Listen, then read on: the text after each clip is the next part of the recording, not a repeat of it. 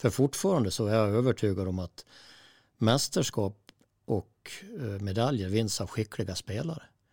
Vi kan ju inte bara ha eh, fysdemoner, då kan vi ju lika gärna ta bort målburarna och sen den som åker fortast och mest och bäst, Ja. den får mest poäng. För jag vet jag som sitt på hockeyn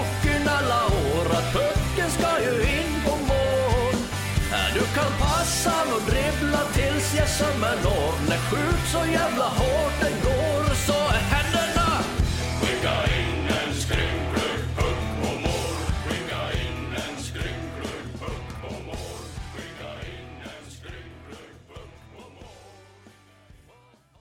Vi saknar er. Kom in till oss. Ja, det är ju så vi tänker och resonerar kring den situation som är den här säsongen. Vi längtar verkligen efter er som publik här i arenan och i väntan på klartecken från regeringen och myndigheter gällande publik så försöker vi göra lite extra material till er. Ert bidrag när det gäller Kom in till oss-kampanjen är viktigare än vad du kanske tror. Vi slår också ett slag för Superstars initiativ Halsdukens dag, 11 mars, mot Brynäs är hemma. Gå in på halsduk.nu och läs mer kring det fantastiska initiativet. Ja, då är Matchpodden här hos er än en gång och med en gäst som kanske känner flera av våra herrspelare bättre än många andra. Eh, han har varit i vår förening under hur lång tid nu egentligen, Tommy Fredriksson? Vi sa det här innan eh, eh, vi körde igång podden här att du närmar dig 65-strecket eller hade du passerat det? Nej, först ska jag ta 64 det här året. Så du har något år kvar Ja. alltså? Sen har vi ett år till, sen får vi se. Hur, eh, du är ju väldigt bra shape. Jag satt och pratade med Axel Brage innan vi gick in i podden här. Man kan inte riktigt tro det, så som du är där nere också. Eh, Är det bara siffror för dig? Ja, men man blir väl så om man umgås. Man umgås med unga människor som tränar. Det är viktigt det där. så att eh, det tror jag är en viktig del. Fystränare i Leksands IF i hur många år? 15 år. 15 år. Mm. Hur tänker du kring den siffran? Vad ser du tillbaka på när du har 15 år här i föreningen? Ja, dels att det har gått jäkligt fort. Va? Det, för jag tänkte när jag gick in i det här så att det är ju en speciell situation, livssituation, arbetssituation och vara, vara tränare. Det är, ju en, eh, det är ett sätt att leva. Det är ju inget 7-4 jobb eller något annat smått och gott. Utan jag tänkte att jag tar fem år, sen satsar jag lite vidare på civila karriären. Så tänkte jag i början. Men eh, sen efter, när det har gått fem år, man känner ju att man blir ju aldrig färdig. Man vill ju hela tiden utveckla. När man har jobbat med ungdom och junior och A-lagsspelare så känner man att det här måste vi utveckla till nästa år. Och till nästa år då gör vi det här och det här och det här. Och det är ju det som är så jäkla intressant egentligen. Och det är det som är så häftigt med utveckling överhuvudtaget, att man inte stannar kvar där då. Ja, ja. Vad var det i den civila karriären du tänkte på i så fall? då? Nej, att ha ett, ett normalt jobb då. För det här är ju inget normalt jobb utan här, man är som, jag brukar jämföra det med att vara en eh, bonde. Man, det finns inga arbetstider utan man, man, man är påslagen jämt och, och så tror jag man måste vara. Spännande det där du är inne på, när du började här för 15 år sedan till vi är här idag då, 2021. Hur har, det, hur har processen sett ut för din del? Alltså hur, hur mycket skiljer sig träning nu jämfört med då? mängdmässigt, volymmässigt, alltså så skiljer det ju inte så jäkla mycket som man tror. Va? Utan, eh, det är nästan att hockeyn har förändrat sig mer än själva fysträningen. För fysträningen måste man komma ihåg att det är ju själva grunden som vi ska skapa, vi som jobbar med fysen. Sen är det på isen som du tillbringar Eh, en, en, kanske den mesta tiden. Det är ju där du ska finslipa allting. Att spela en, som man gör idag, en snabb hockey hockeyn har ju blivit snabbare och snabbare och det är ju tack vare att man tränar snabbare och intensivare på, på uh, träningarna på isen. Ett spelsätt som är, är, uh, kräver alltså mycket snabbhet och, och hela den biten, men den tränar man absolut bäst på isen och hur man spelar hockey, ett spelsätt. Men hur mycket måste ni som fystränare, vi ska säga det också att det är du och Jesper Gillrå Ja, som kör ja, det här ihop ju, ja. sedan något år tillbaka. Ja. Eh, Hur mycket måste ni anpassa er just efter hur hockeyn utvecklas ute på isen? Ja, men självklart så måste vi anpassa oss, men någonstans så finns en, som vi kallar en, en, en grund, då, en, att vara en atletisk idrottsman. En grund då, där du har alltså de fem fysiska grundegenskaperna där man kan se att man har en, en okej kondition, en okej styrka, eh, snabbhet, eh, rörlighet och koordination. Och sen självklart då, om den grunden finns då som man lägger främst kanske i junioråldern när man är på ett hockeygym och första åren på seniornivå. Men sen måste man alltså finslipa det här då. Hockeyn idag är ju, det är mycket snabbhet som man måste bygga egentligen då för att kunna bemästra den hockeyn som bedrivs idag. Den är ju snabb och intensiv. Och för att bli snabb och intensiv, vi säger att vi tränar styrkemässigt att gå från traktor till att bli en Ferrari. Och traktor måste man ha som grund för att vara stark, för att sen bli explosiv och sen bli snabb. Så att det finns alltså en stegring i, i all träning egentligen. Va? Men om du tittar på hockeykroppen idag, om man går in på gymmet när man passerar in där i A-laget och så tittar man tillbaka för hur det såg ut för 15-20 år sedan. Eller kanske ännu längre tid tillbaka. Ja.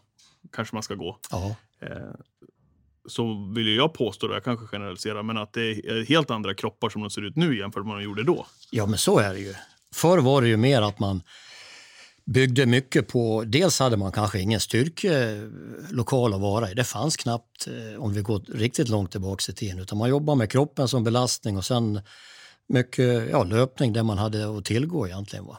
Så att styrketräning, den som började med det och sa att vi måste ikapp ryssarna, eller Sovjet som det hette på den tiden, det var ju Leffe Bork, tror jag, någonstans ja, 85 VM kom en rapport efter VM där och sa så här att vi måste börja och lägga tid på att bli starkare och börja träna professionellt som ryssarna gör. Va? Där någonstans känner jag att det var en, ganska stor brytpunkt och det är ju, det är 85, det är ju några år sedan. Och efter den, någonstans där då, så började ju vi i Sverige träna mycket mer och framförallt då med den eh, satsning man gjorde med utbildning med tränare och allt det här då, som kom någonstans i mitten på 90-talet, där växte det nog enormt. Då. Kunskapen hos tränare att eh, ja, bygga en helhet då, för att sen kunna, bli, kunna vara med och fightas på, på internationell nivå. Där någonstans känner jag att det var en, en ganska stor brytpunkt. Va? 85 och sen kanske 85-90-talet eh, så har det förändrats till att idag är vi mer atletiska och framförallt att mera spelare är eh, förståeligt att jag är en egen företagare, att jag måste vara bra tränad för att kunna liksom vara attraktiv på marknaden. Så, så fungerar det idag. Va? Hur ser det ut idag, om vi ser rent generellt då, i alltså hur, träna, hur spelarna är tränade jämfört när du började? Tycker du? Oh, det, det, är ingen Och det är ansvar också man går till sig själv? Ja, alltså, eller finns ja. det... Jo, men så är det. Jag tycker alltså att uh, unga spelare idag, framförallt unga spelare, är, är, bra utbildade i svensk hockey. Att man som hockeygymnasierna runt om i Sverige, man vet att man har varit på ett elitgymnasium och många andra också för den delen, så får man ju kanske där då under tre till fyra år om man befinner sig där, en, en bra hockeyutbildning både när det gäller ishockeyn och, och fysträning, kost och, och allt det här runt omkring också som, som krävs då så att man blir medveten om vad krävs det för att bli elitidrottare. Mm. Det är ju ett sätt att leva. Hur ser din och eh, Jespers uppdelning ut då? Ni är ju två stycken nu. Jag kan ja. tänka mig att det också Ja, det avlastar ju mycket för dig som har kört mycket av de här delarna helt själv förut. Ja. Hur, hur, hur ser ert samarbete ut? Så vi har ju egentligen hand om juniorer.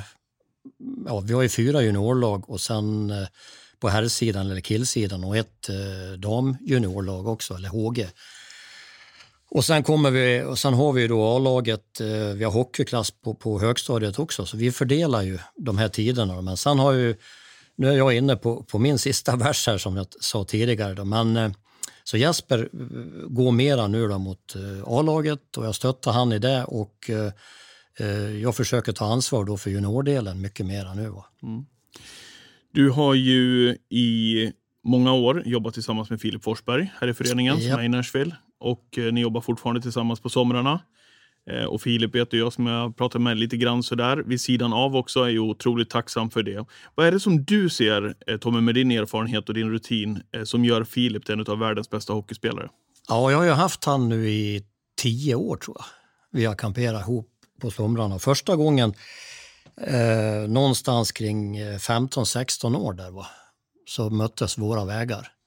Och, eh, jag har ju haft många som har kommit in då och man har ja, tänkt att okej, okay, här är en ung ambitiös kille, men han är ju en av kanske flera också då som, Så man såg att den där killen han har någonting extra egentligen, han vill någonting. Det kände du från början? För det är Ja. lätt att säga det nu när Ja, man... är- ja, men så, så är det. Va? Men jag kommer ihåg bland annat, eh, vi sa så här att jag be- beskrev, då var han med A-laget som 16-åring och tränat. Du gör allting som, som, som står skrivet i träningspassen varje dag. Men du ska göra någonting extra varje dag. Och det har, jag- vet jag att det har jag sagt till många. Men alla har inte gjort det, eller det är få som har gjort det varje dag. Men jag tror han gjorde det under hela sin karriär då när han var här i Leksand. Att gjorde någonting extra varje dag. Och lika det här med, med ja, runt träningen, att värma upp, eh, vara förberedd, eh, att ha mat med sig och hela den biten. Alltså att socialt vara mogen för att kunna vara elitidrottare, det var han ganska tidigt. Så när man berättar de här sakerna för honom så, så kände jag då att fasiken, han, han svarar ju upp på det här och fortsätter med det här också. Gör det hela tiden, gör det än idag.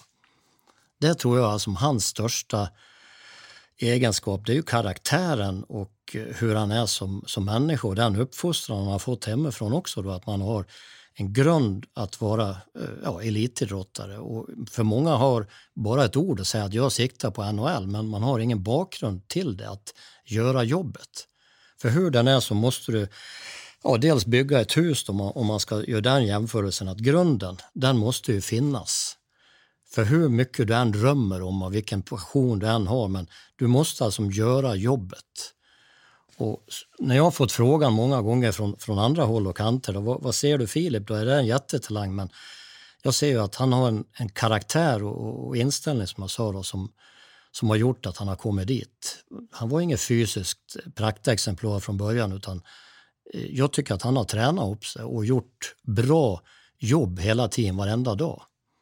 Och det är ju inte bara han, utan man kan ju gå till många andra elitidrottare eller hockeyspelare här i Sverige och titta, de som har kommit långt. Men de gör ungefär samma resa. Och jag har ju varit med i andra idrotter också då, både på individuell nivå och andra. Och man ser att det finns mycket likheter. Jag tänker, ja just det, den och den killen, han kom också långt. Han kom också till och blev världsmästare till exempel. Ja, men han, han har jobbat precis som Filip alltså. Och den killen, han har ju också jobbat precis som, gjorde samma resa fast då kanske han vann ett SM-guld i friidrott. Ja, men det är ju samma egenskap de har. Det där är spännande. Hur tycker du att eh, en hockeyspelare står sig med övriga idrottare? Du har ju varit engagerad i övriga idrotter också. Vad är den största utmaningen då att träna en hockeyspelare? Ja, som jag sa lite där då att det går ju mer och mer mot att ha en individuell drivkraft för att bli bra eftersom om du ska bli riktigt bra då så finns det ju faktiskt en grundformel och det är ju att, att göra jobbet jäkligt noggrant. Ja, jag fattar. Men jag, tänker- jag tänker mer så här, om du är 100 meters löpare ja, så är det väl explosiviteten som... ja, ja. Det är väl A och O liksom. Det är det du ska göra. Du ska springa så fort som möjligt på 100 meter. Men ute på isen så är det så mycket parametrar. Det är styrka, det är snabbhet, det är och allt det här. Det är lite det jag tänker, hur man ja. jobbar med det. För först och främst måste man ju titta då, vad är viktigast för en hockeyspelare? Det är ju att vara skicklig på isen. Det är ju skickligheten som alla mästerskap vinns ju av skickliga spelare idag. Det är bara att titta i vårt lag just nu att vi har ju en viss skicklighet som vi kanske kommer till senare, jag vet inte. Så att där, som träning, fysträning, det gör vi ju faktiskt också på isen, fast man inte tänker på det. Så fort vi kliver ut på isen, då tränar vi ju skott och teknik, det är ju koordination, balans, rörlighet, timing och explosiv styrka. Så att så fort vi, vi spelar en match eller gör en isträning så är det också fysträning samtidigt. Va? Så att jag, i, i min bestämda uppfattning är att man kanske måste lägga ner mera tid på att nöta saker på isen. Skottet, att skjuta x antal skott, eh, att kunna eh, jobba med vissa moment när det gäller passningar, närkampsspel, ja, balans, koordination, teknik då, i själva spelet. Och där känner jag att man kan lägga ner mycket, mycket mer tid. Går vi tillbaks till, till Filip. du känner det? Ja, absolut. För att eh, om vi ska ta Filip igen här nu då, så han har ju jobbat jäkligt mycket med detaljer på is. Och lagt ner timme efter timme och nött och nött i skottläge som han är i. Gör ju det än idag när han är hem här över eh, de här månaderna när han är hemma. Va? Jag kom in här i arenan några sommarkvällar här, eller när Ja. vi hade is här. Ja, Det var släkt överallt, men det var en som stod nere på isen. Och... Ja, men så fungerar det Mm. om man ska bli bra. Så därför tror man, man ska aldrig glömma av att en hockeyspelare ska ha jäkligt mycket på is och nöta och nöta och träna den gren man håller på med. För att det finns ingen anledning att bli världsmästare i gymmet om inte man kan spela hockey. Om man satsar på hockey. Det får man som aldrig glömma. Jag tänker så här också. Det är ju en lagsport där alla har olika kvaliteter i vårt lag. Till exempel, Ja. kan vara stor fysisk back, du kan vara en liten snirklig forward och så vidare. Hur mycket måste du lägga individuell träning på de här bitarna? Eh, att man liksom tränar sin sak. Förstår du vad jag menar? Ja, ja, men så, så är det ju. Va? Och det kan ju vara till exempel att man eh, vi testar ju av spelare och vi gör massa olika tester på de här fysiska grundegenskaperna. Och då kan man ju se att ja, men du kanske måste jobba upp din explosivitet lite mer, din kraft, eh, din kondition kanske måste upp något snabbt och lite så att man försöker då hitta eh, en grund först och sen kanske styra in lite då på egentligen varje egenskap man har själv också. Va? Eh, men sen skiljer det inte så enormt mycket utan man föds ju med eh, vissa egenskaper. Någon är oerhört explosiv naturligt, någon är oerhört konditionsstark naturligt.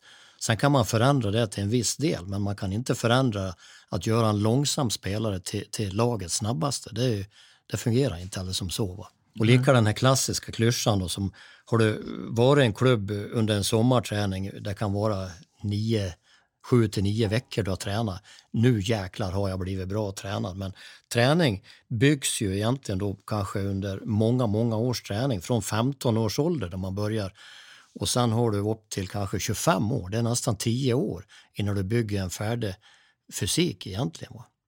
Men än idag då så säger någon att nu har jag tränat fem pass eller tio pass med någon eh, individuell tränare eller gjort någonting annat eller bytt lag och nu helt plötsligt är jag bra. Ja. Men så enkelt fungerar det alldeles som inte. Det finns ingen genväg utan det tar en jäkla tid och tålamod för att bli alldeles som toppidrottsatlet.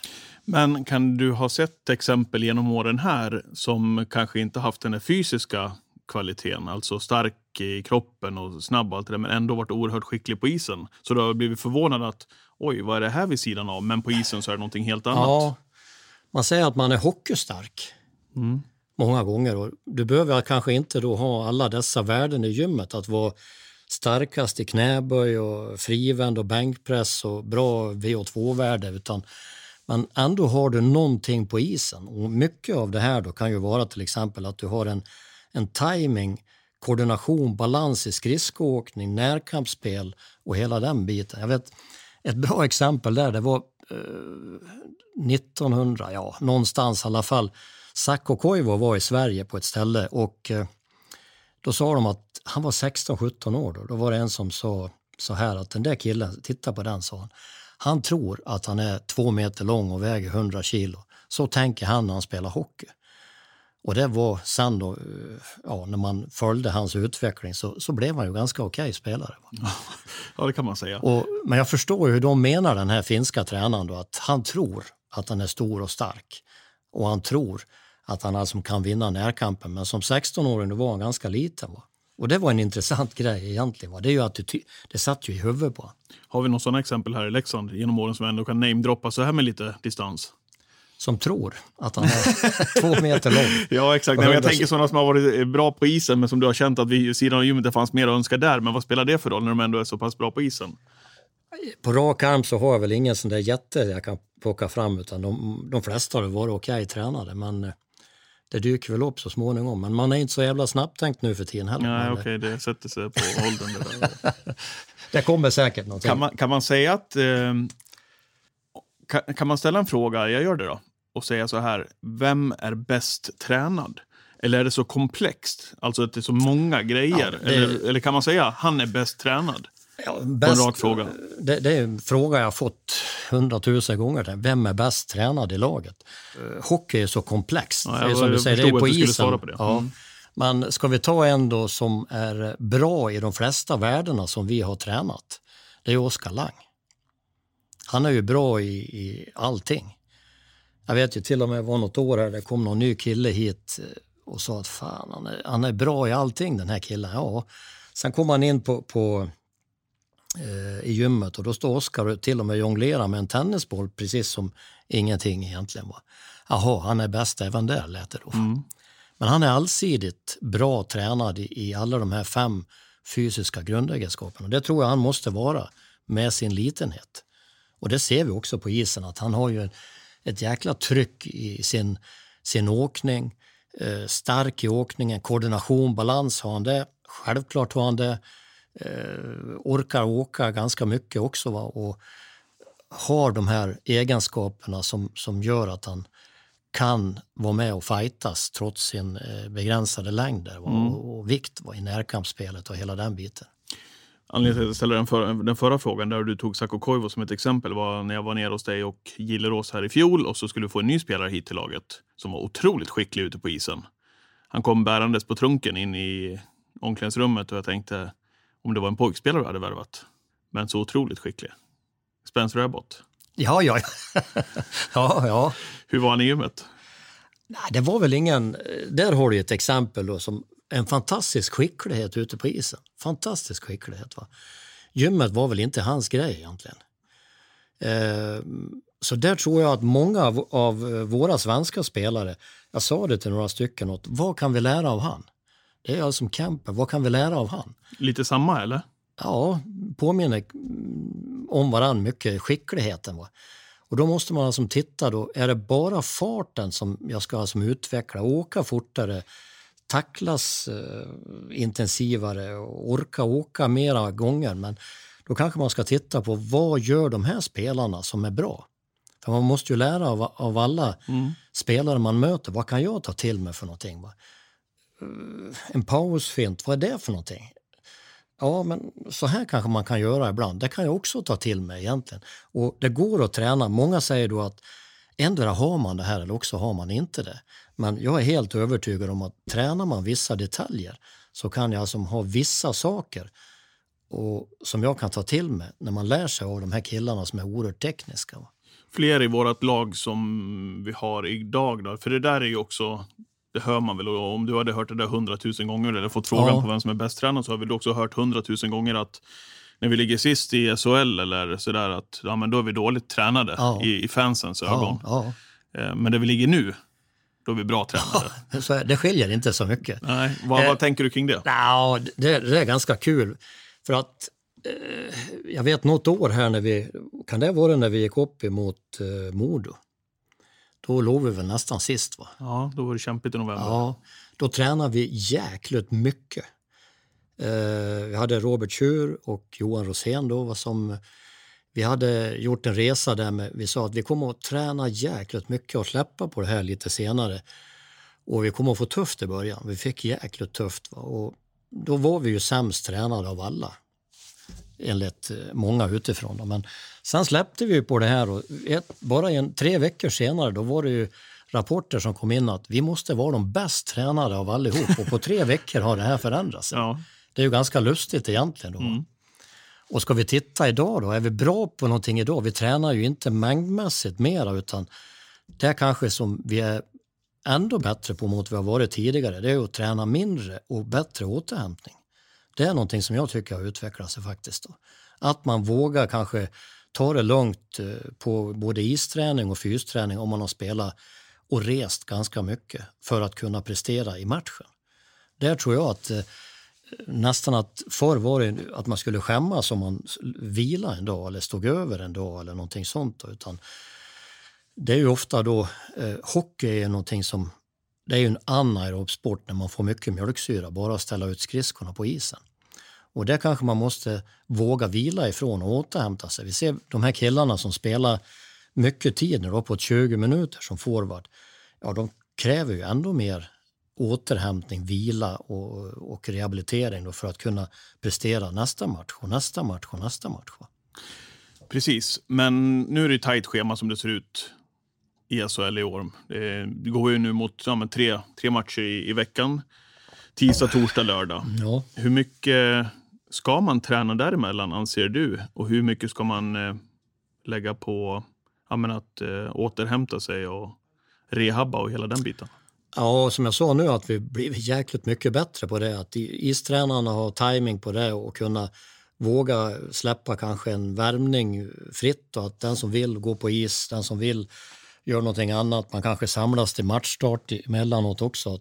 Det tycker jag är, om man skulle som summera så tränar vi ju inte, om vi tar fysen, tränar vi ju inte mera fys utan kanske till och med mindre men att man har kortare pass och de vi tränar då det är ju juniorer, ungdomar som är i början av sin karriär som seniorspelare också. Mm. De har dagliga pass som de kör så till och med att man tränar till matchdag också då på, på vissa moment då, för att kunna se en, en långsiktig utveckling. Mm.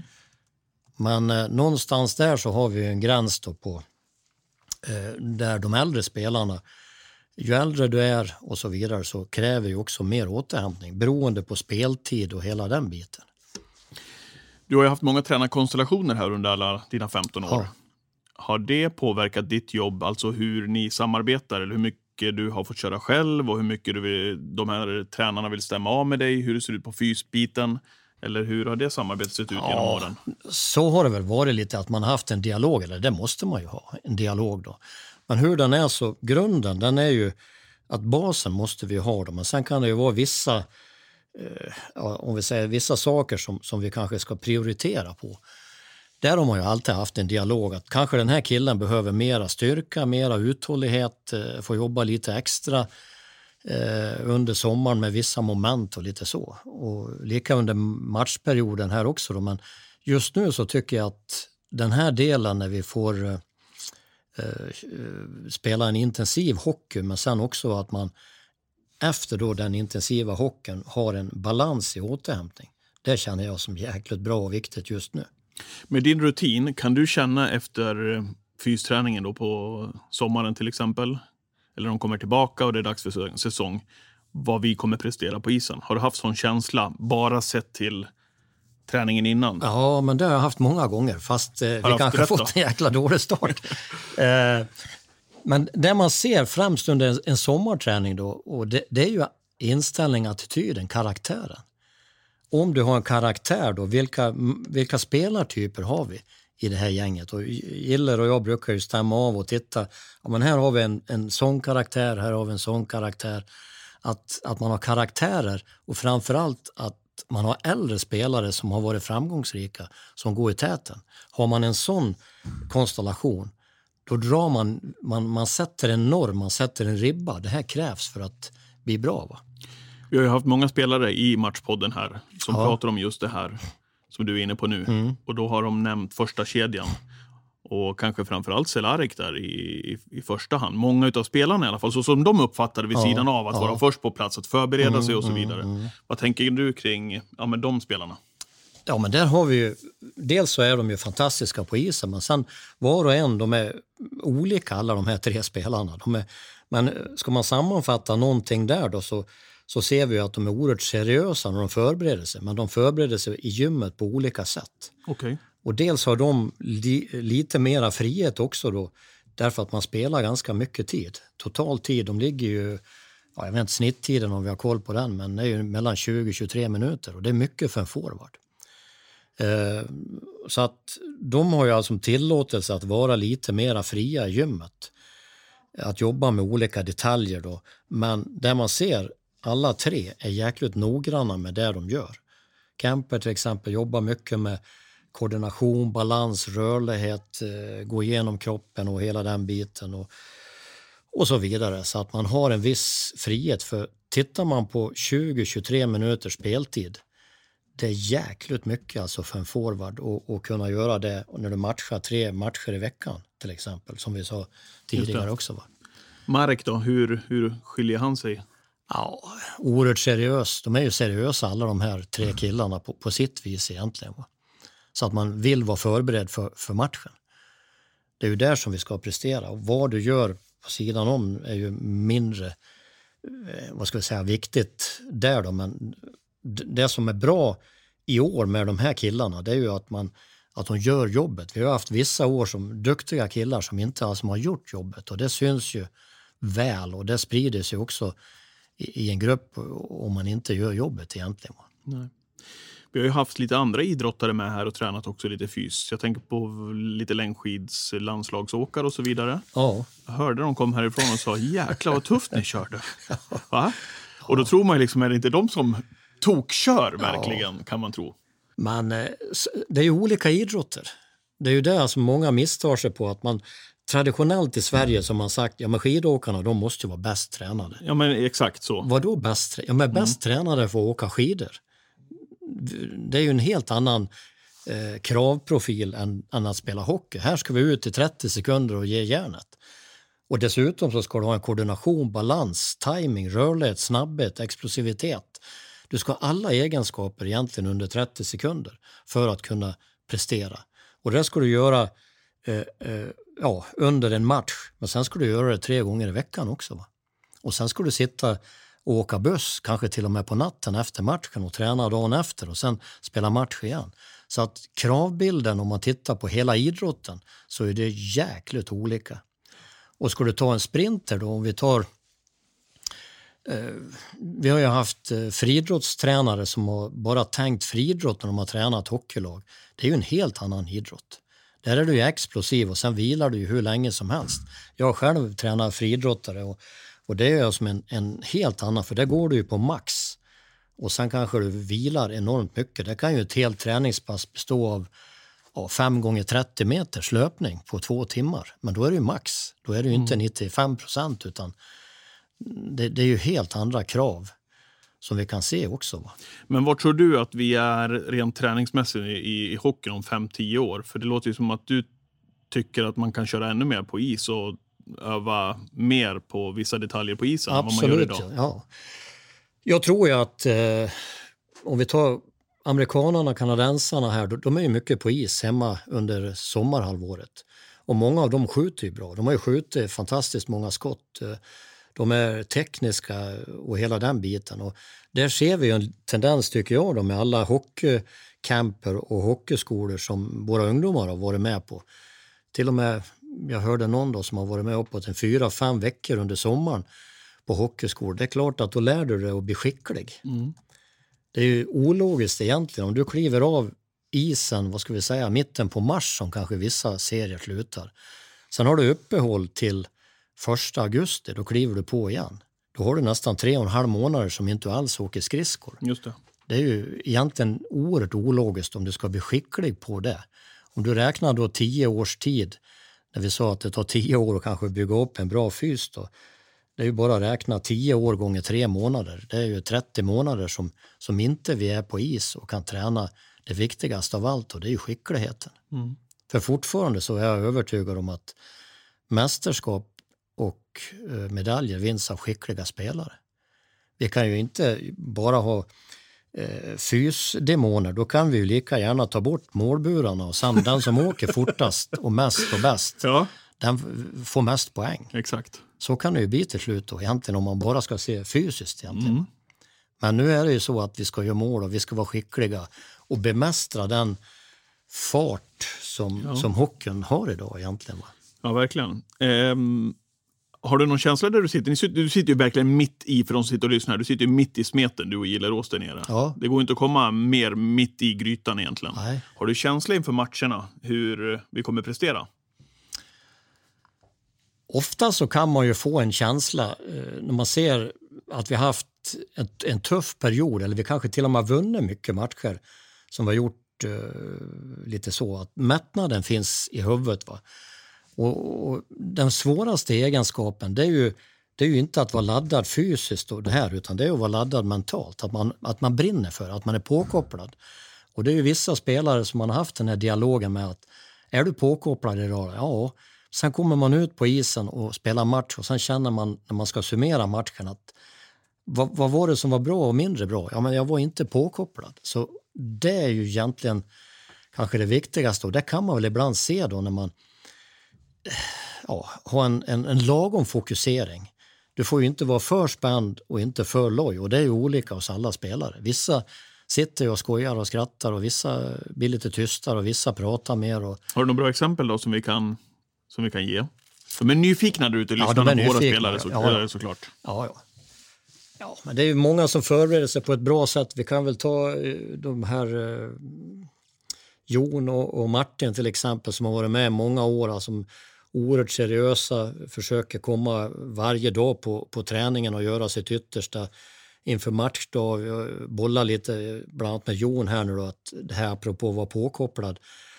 Enormt fysisk, explosiv som han är. att det kan ju vara svårt att alltså plocka fram det här att åka max hela tiden, gå in i en närkamp hela tiden. Det ska göra ont varje mm. dag. Mm. Och där krävs ju kanske mest av de här killarna som, som gör det här jättejobbet varje match och försöker göra det. Att känna att fasiken, jag måste plocka ut det yttersta jag har i varenda närkamp, varenda åkning. Mm.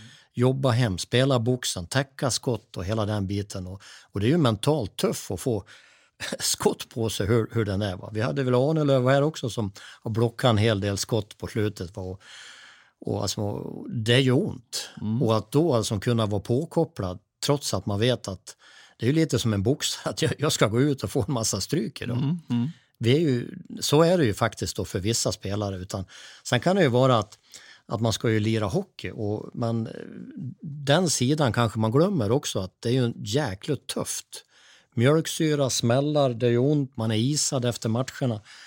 Och, och det ska jag göra inte bara tisdag utan jag ska göra det igen på torsdagen och på lördagen igen och på tisdagen igen. Va? Så där känner jag att, att man ska ha en mental styrka att kunna stå emot den här smärtan som, som mm, ja, ingår i, i hockeylivet och att kunna bemästra den och veta att det här gör jag nästa gång och nästa gång och nästa gång igen egentligen. Hur har eh, uppladdningen sett ut, eller hur såg den ut efter Oskarshamnsmatchen för grabbarna? Det var ju sen resa hem och det här du varit inne på med eh, ja, men återhämtning inför matchen mot Djurgården. Nu är det tajt match igen mot Oskarshamn. Hur har ni lagt upp det? Ja, nu vila söndagen här då och sen eh, träning idag, gå igenom vissa detaljer, fysen, Eh, ingen jättehård fys eftersom vi spelar match. Det är ju tre matcher den här veckan. Då får man ju se, planera på sikt lite. Är det två matcher, det är ju helt plötsligt mycket mindre. Men eh, nu har vi ju tre matcher. Vänt, nästa vecka har vi också tre matcher för mig. Kan det stämma? Ja, det är tufft matchande ja, i alla fall. Det är tufft mm. matchande. Då måste man ju se på sikt att eh, vi måste ju kunna prestera imorgon, men vi måste också kunna prestera nästa veckas lördagsmatch. Den, den sjätte matchen har de här eh, matcherna vi har Just det. nu. Det är lite att tänka på det också. Det är, det är inte bara nästa match, nej, nej precis. Nej, men nej. ändå måste man alltså ha kravet från eh, oss allihop att vi, jag ska gå max hela tiden egentligen. Och ont, skadad, kunna läka ihop, köra igen. Och, och spela när man är bra form och eh, toppad. Det är ja. ju sällan man, gör, ja. man upplever som hockeyspelare.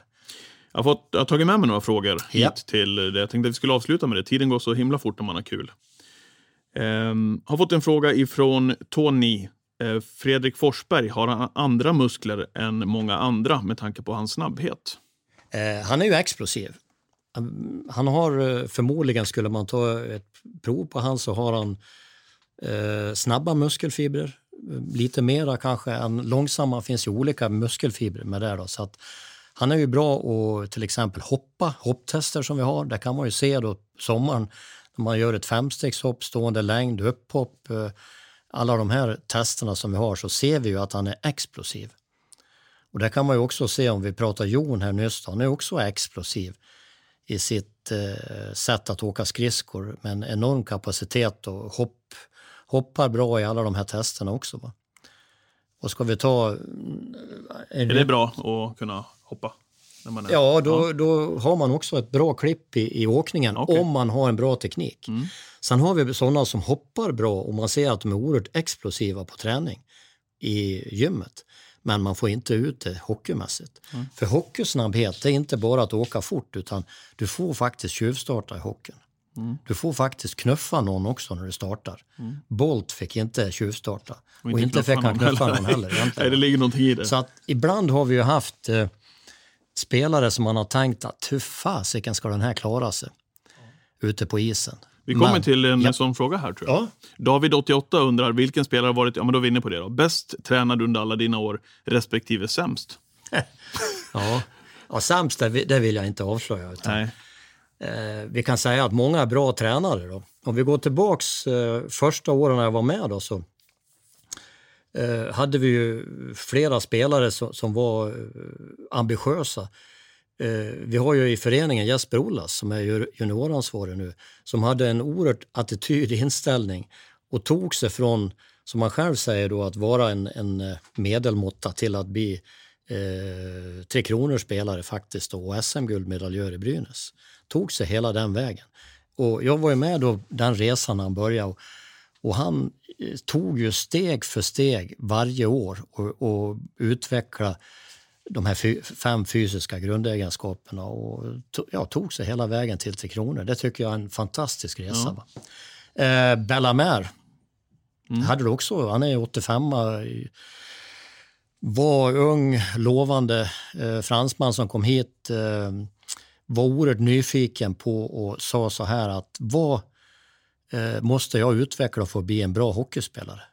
Han var nyfiken på allting. Ja, men du måste bli, utveckla ben, du måste utveckla uthålligheten. Och han gjorde det hela tiden. Åkte hem till Frankrike, kom hit, tittade på, på olika bitar och ja men okej, nu har du blivit bättre. Och det gjorde han också på isen. Och han hamnade ju Skellefteå och blev svensk mästare. Sen hamnade han i NHL och har gjort en fantastisk resa. Där har du också då en kille som är bra tränad egentligen. Va? Och går vi framåt här nu då så Ja, bra. Sen hade du Raffel, också en bra tränad kille egentligen som hamnade i NHL. Då. Så ser vi att de spelarna som har gått vidare och blivit eh, NHL-spelare, så överlag så ser man ju klart och tydligt att de har ju en, en, haft en bra grundfysik i sin juniorålder. Händemark, sista exemplet, som har gjort en fantastisk resa. Bra eh, grundtränad och utvecklad den han flyttade till Malmö och ett eget driv egentligen också. Va? Så att, Yes. ja, Ja, det finns ett gäng. det finns ett gäng ja. Tränar våra målvakter Axel Brage och Janne Juvenen på annat sätt än våra utespelare undrar Christer K. Ja, det är ju det är ju ungefär som ett friidrottslandslag om man tänker sig så. Va? Det är ju, vi har några släggkastare och några explosiva löpare och några uthållighets... Om vi tar... Vad har vi för släggkastare? Ja, men du förstår vad jag menar Ja. lite. Målvakterna, de är ju faktiskt... Eh, dels ska de ha en, en kondition och kunna stå där två och en halv timme varje match. Va? De åker inte och byter, utan de har ju en utrustning som väger oerhört mycket, svettas mycket och det krävs att de är alerta och är med i matchen sista sekunden, sista minuten i, i hjärnan också, att du har kapacitet, en, en, en VO2-kapacitet som är okej. Plus att du ska också vara oerhört explosiv i vissa förflyttningar. Du ska vara rörlig för att kunna gå ner i spagat nästan och klara av. Så att många gånger så, så de bästa målvakterna är ju ofta i topp då i många tester. Framförallt när det gäller explosivitet och, och, och hela den biten. Man mm, tränar lite annorlunda eftersom det kräver lite annorlunda grejer också. Va? Sista frågan Ja. innan vi drar igen butiken för den här gången, Fredriksson. Stämmer det att du själv tränar stenhårt och kör stavgång varje dag? Undrar Christer Sik och eh, Jesper Ilerås. Ja, stavgång. Nu när det var så kallt då har jag inte gjort det, men man har kommit den åldern så jag tycker det är jäkligt kul och stimulerande. Du, du kör stavar nu? ja, för jag älskar ju att löpa, ut och jogga lite och så, men sen börjar hälsenor och sånt där säga ifrån så att då får man ta till stavarna och gå. Ja. Ja. Då fick de svar om de inte kunde ställa Absolut, den ja. frågan där nere. Med Ja, ja, ja. ja. då får de lyssna på podden. Du, var härligt eh, Tommy att det drog iväg lite grann. Jag tänkte att vi skulle eh, få sista frågan här då. Match hemma mot Örebro imorgon. Din eh, känsla där du sitter som ja, mitt i grytan där Ja. nere. Jag går ju alltid för vinst. Så är det. Och jag tror att vi, jag, jag tror att vi skulle vunnit varenda jävla match jag varit här. Alltså. Brukar du alltid vara så? Ja. För går man in i, i, när man ska spela någonting eller göra, då går man ju in för att vinna. Inte går vi väl in för att förlora matchen. Nej. Det finns väl inte i, i Nej. alla fall inte professionell idrott. Men du har bra feeling? Ja, det tycker jag. Du har ju förresten två tränare i Örebro som kommer hit imorgon som Ja, du ja. känner väl. Jajamensan. Niklas Eriksson och Christer Olsson. Ja, Bra tränare va? Ja, det är fantastiska killar. Så att, eh, Christer har ju, jag har ju aldrig tränat med Niklas i och för sig. Jo, han var ju en årtränare där. Ja. Mm. Han var i A-laget också för den delen. Ja. Ja, det var. Så mm, ambitiösa killar, bra ledare som har utvecklats enormt mycket. Ja, de är välkomna hit Ja, till de. imorgon. Tack Tommy för att du tog dig tid också att vara med på Matchpodden. Tack du.